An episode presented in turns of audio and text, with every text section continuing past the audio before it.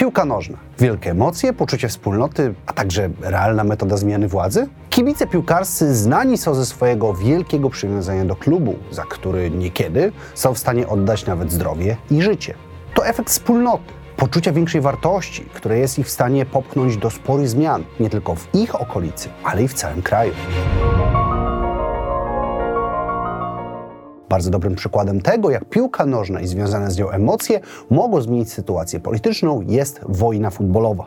Jeśli ta nazwa coś Wam mówi, to nic dziwnego. Książka o tym właśnie tytule autorstwa Ryszarda Kapuścińskiego mogła znaleźć się na liście Waszych szkolnych lektur. Opisuje ona wydarzenie, jakim była wojna pomiędzy Hondurasem a Salwadorem w 1969 roku. Istnieje przekonanie, że zaczęła się ona właśnie przez mecz piłkarski, w którym przegrała reprezentacja Hondurasu a zamieszki i konflikt eskalowały do poziomu zbrojnego konfliktu. I o ile jest to bardzo duże przesadzenie roli tegoż meczu, bo stosunki między krajami były napięte przez długi czas, to nie można zignorować wrażenia, że był on pewnego rodzaju katalizatorem. Konflikt tak naprawdę rozpoczął się na tle narastających napięć społecznych i ekonomicznych. Salwador, zdominowany przez elitę posiadaczy ziemi, borykał się z problemem przeludnienia. Wielu Salwadorczyków emigrowało więc do sąsiedniego Hondurasu, szukając pracy i ziemi. Rząd Hondurasu, a także obywatele tego kraju nie byli zbyt zadowoleni. Skutkowało to reformą rolną, która dotykała głównie migrantów z Salwadoru, a to doprowadziło do wzrostu napięć. Kryzys osiągnął szczyt podczas meczów kwalifikacyjnych do Mistrzostw Świata. Piłka nożna wywołuje skrajne emocje, a tutaj były one podsycone po prostu konfliktem i przesiedleniami. Salwadorczycy wygrali decydujący mecz, ale to nie spodobało się honduraskiej społeczności, która jawnie wyrażała swoje niezadowolenie. Salwador wykorzystał zaś te emocje, mówiąc, że tysiące Salwadorczyków zostało z Hondurasu deportowanych. Wkrótce po tym Salwador zerwał stosunki dyplomatyczne z Hondurasem, a kilka tygodni później doszło do otwartego konfliktu zbrojnego, w którym życie straciło ponad 3000 osób, w tym wielu cywili, a dodatkowo kolejne tysiące zostały zmuszone do opuszczenia swoich domów. Wojna była krwawa i przeszła do historii właśnie z uwagi na to, że mecz piłki nożnej stał się podstawą do eskalacji konfliktu. To oczywiście pewne uproszczenie i zabieg dziennikarski, no bo przyczyny były dużo głębsze, a mecz i kibice były tylko ostatnią kroplą, która przelała czarę goryczy, napięć i niezgody. Z tego właśnie powodu w wielu mistrzostwach nie znajdziemy meczy pomiędzy niektórymi drużynami, bądź rozgrywają się one na pustych stadionach. W 1958 roku Izrael awansował z rund kwalifikacyjnych do Mistrzostw Świata bez rozegrania żadnego meczu, bo kraje, gdzie dominuje islam, odmówiły grania. Z kolei nie tak dawno mecze Serbii musiały odbywać się, za decyzją UEFA, bez kibiców na stadionie, głównie w obawie o zamieszki i eskalację konfliktów w regionie. Organizacje międzynarodowe i państwa mają obiekcje przeciwko tego typu wydarzeniom, no bo w historii zmieniały one niejednokrotnie dużo więcej niż krajobraz w okolicach stadionu. Jako przykład możemy przywołać tu brazylijski SC Corinthians Paulista. Kibice tego klubu są bardzo zaangażowani w politykę kraju. Tak bardzo, że w 2015 roku założyli własną partię polityczną, chcąc zerwać ze statusem quo, jak sami to określali. Byli bardzo zaangażowanymi przeciwnikami prezydenta Bolsonaro, dołączając do marszu przeciwko niemu, czy otwarcie krytykując jego działania, chociażby przy walce z wirusem COVID-19. To nowsza historia, bo już w latach 70. XX wieku kibice tego klubu udzielali się politycznie, protestując przeciwko rządom generała Figueredo. W zeszłym roku to właśnie fani Corinthians blokowali demonstracje pro-Bolsonaro, popierając przy tym jego kontrkandydata Luisa Inacio Lula de Silva. To bardzo poważne działanie, a dodatkowo takie, które faktycznie mogło przełożyć się na sytuację w kraju, blokując protesty czy próbę puczu, co podnoszą niektórzy komentatorzy sytuacji. Warto wspomnieć, że nie był to jedyny klub, bo w sprawę zaangażowali się też kibice chociażby Galokura. Jednak to Koryntianie mają za sobą długą i owocną historię sprzeciwiania się brazylijskiej władzy i wywierania na niej całkiem sporej presji. Jak na to, że są tylko kibicami jednego klubu. Kibice to bowiem całkiem duży zasób w arsenale polityki. Tym, jak ważny jest sport, poświęcone są całe działy socjologii i politologii, które analizują m.in. zachowania właśnie kibiców.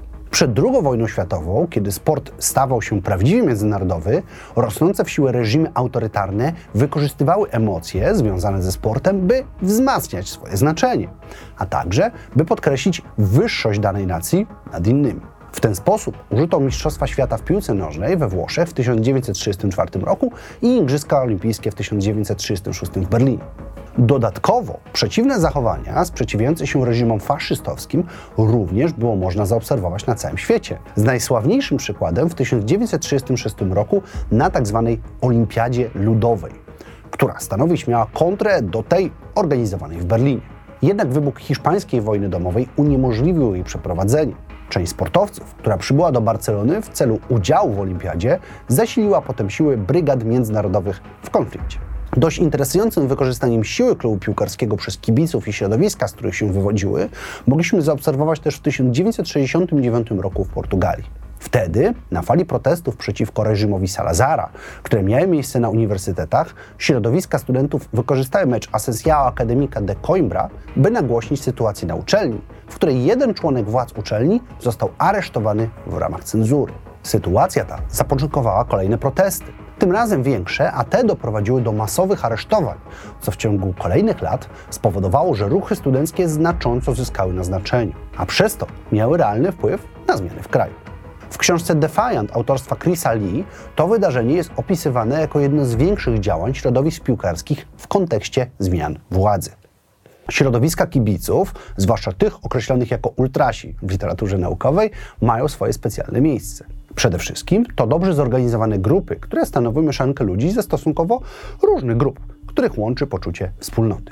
W zależności od kraju i okresu mogą one reprezentować różne ideologie polityczne. Jednak zazwyczaj ich cechą wspólną jest pewnego rodzaju opór przed establishmentem. To właśnie niejako miało miejsce we wcześniej wspomnianej Brazylii, a także na Ukrainie w 2014 roku. Kibice wielu zespołów stanowili jedną z większych stron podczas zamieszek chociażby w Odessie, gdzie starli się ze zwolennikami Janukowycza, czyli siłami tzw. Tak antymajdanu. W tamtym mieście przyjęły one krwawe oblicze, pochłaniając życie prawie 50 osób i zaogniając już i tak bardzo napiętą sytuację, przechylając nastroje na stronę rosyjską i faktycznie wpływając na politykę kraju. Na Białorusi grupy kibiców siatkówki okazały wsparcie dla Ukrainy, co zakończyło się aresztowaniami i również zwiększeniem niepokojów społecznych. Podczas fali protestów, nazwanych Majdanem, to właśnie ruchy kibicowskie z Ukrainy stanowiły podstawę jedności, będąc jednymi z pierwszych dużych, zorganizowanych grup, które jednoczyły się, tworzyły przyśpiewki i teksty, które używano na protestach. Nawet później, w wojnie z Rosją, to kibice zaciągali się do wojska. Tworzyli fundacje i koordynowali wiele akcji pomocy dla ludzi w regionach objętych wojną. Ich udział w walce o wolność kraju wielokrotnie podkreślały władze Ukrainy. Rola kibiców jest też ważna w Turcji. Tam grupa zwana Karsi, złożona z kibiców Besiktas, była jedną z istotniejszych grup podczas dużych protestów w 2013 roku, skierowana przeciwko Erdoanowi. Mierzyli się oni z policją, jednoczyli ludzi i koordynowali akcje. Podczas protestów ukradli oni nawet buldożer, który nazwali Poma i stosowali go przeciwko policji, niejako wyrównując szanse protestujących.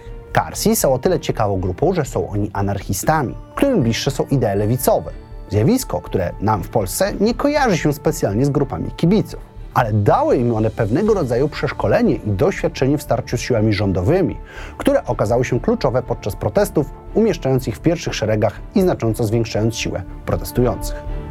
Na wyspach też możemy zaobserwować, jak środowiska kibiców angażują się w politykę. Jako przykład można tu przytoczyć zielone brygady ultrakibiców Celtica Glasgow, którzy znani są ze swoich prowokacyjnych banerów, a także przyśpiewek, które bazują na tych kojarzonych z IRA. Protestowali przeciwko agresji w Iraku i Afganistanie. Poparli Black Lives Matter, a ostatnio okazali poparcie Palestynie. Przy okazji wcześniej zbierając kilkaset tysięcy funtów, by przekazać je na pomoc palestyńskim dzieciom. Znajdziemy też wiele opracowań, które umieszcza środowiska irlandzkich kibiców blisko samego IRA, czy to poprzez skandowanie popierających ich haseł, czy udział w protestach. Na dobrą sprawę grupy kibiców są obecne w wielu protestach na całym świecie. Ich profil działania jest często dobrą podstawą, by walczyć z siłami policji, a także protestować przeciw rządom. Do tego mają przygotowanie organizacyjne. Potrafią w sprawny i dynamiczny sposób przygotowywać liczne grupy, zaopatrywać i udzielać pomocy, nawet prawnej, jeśli zajdzie taka potrzeba są dobrze skomunikowani i nie bez powodu wielu z nich jest pod stałą obserwacją policji czy służb, zwłaszcza w krajach, które nie są aż tak stabilne, a w których grupy kibicowskie przyjmują otwarcie antyrządową retorykę, jak miało to miejsce w Ameryce Południowej. Dlatego podczas kolejnych protestów gdziekolwiek na świecie możecie z pewnością wypatrywać kibiców, bo znając historię, z pewnością się gdzieś przewinął. Na dzisiaj to tyle. Ja Wam bardzo serdecznie dziękuję. Mam nadzieję, że materiał się podobał. Możecie zobaczyć jeszcze inne, a także widzimy się w każdy piątek. Trzymajcie się ciepło. Cześć!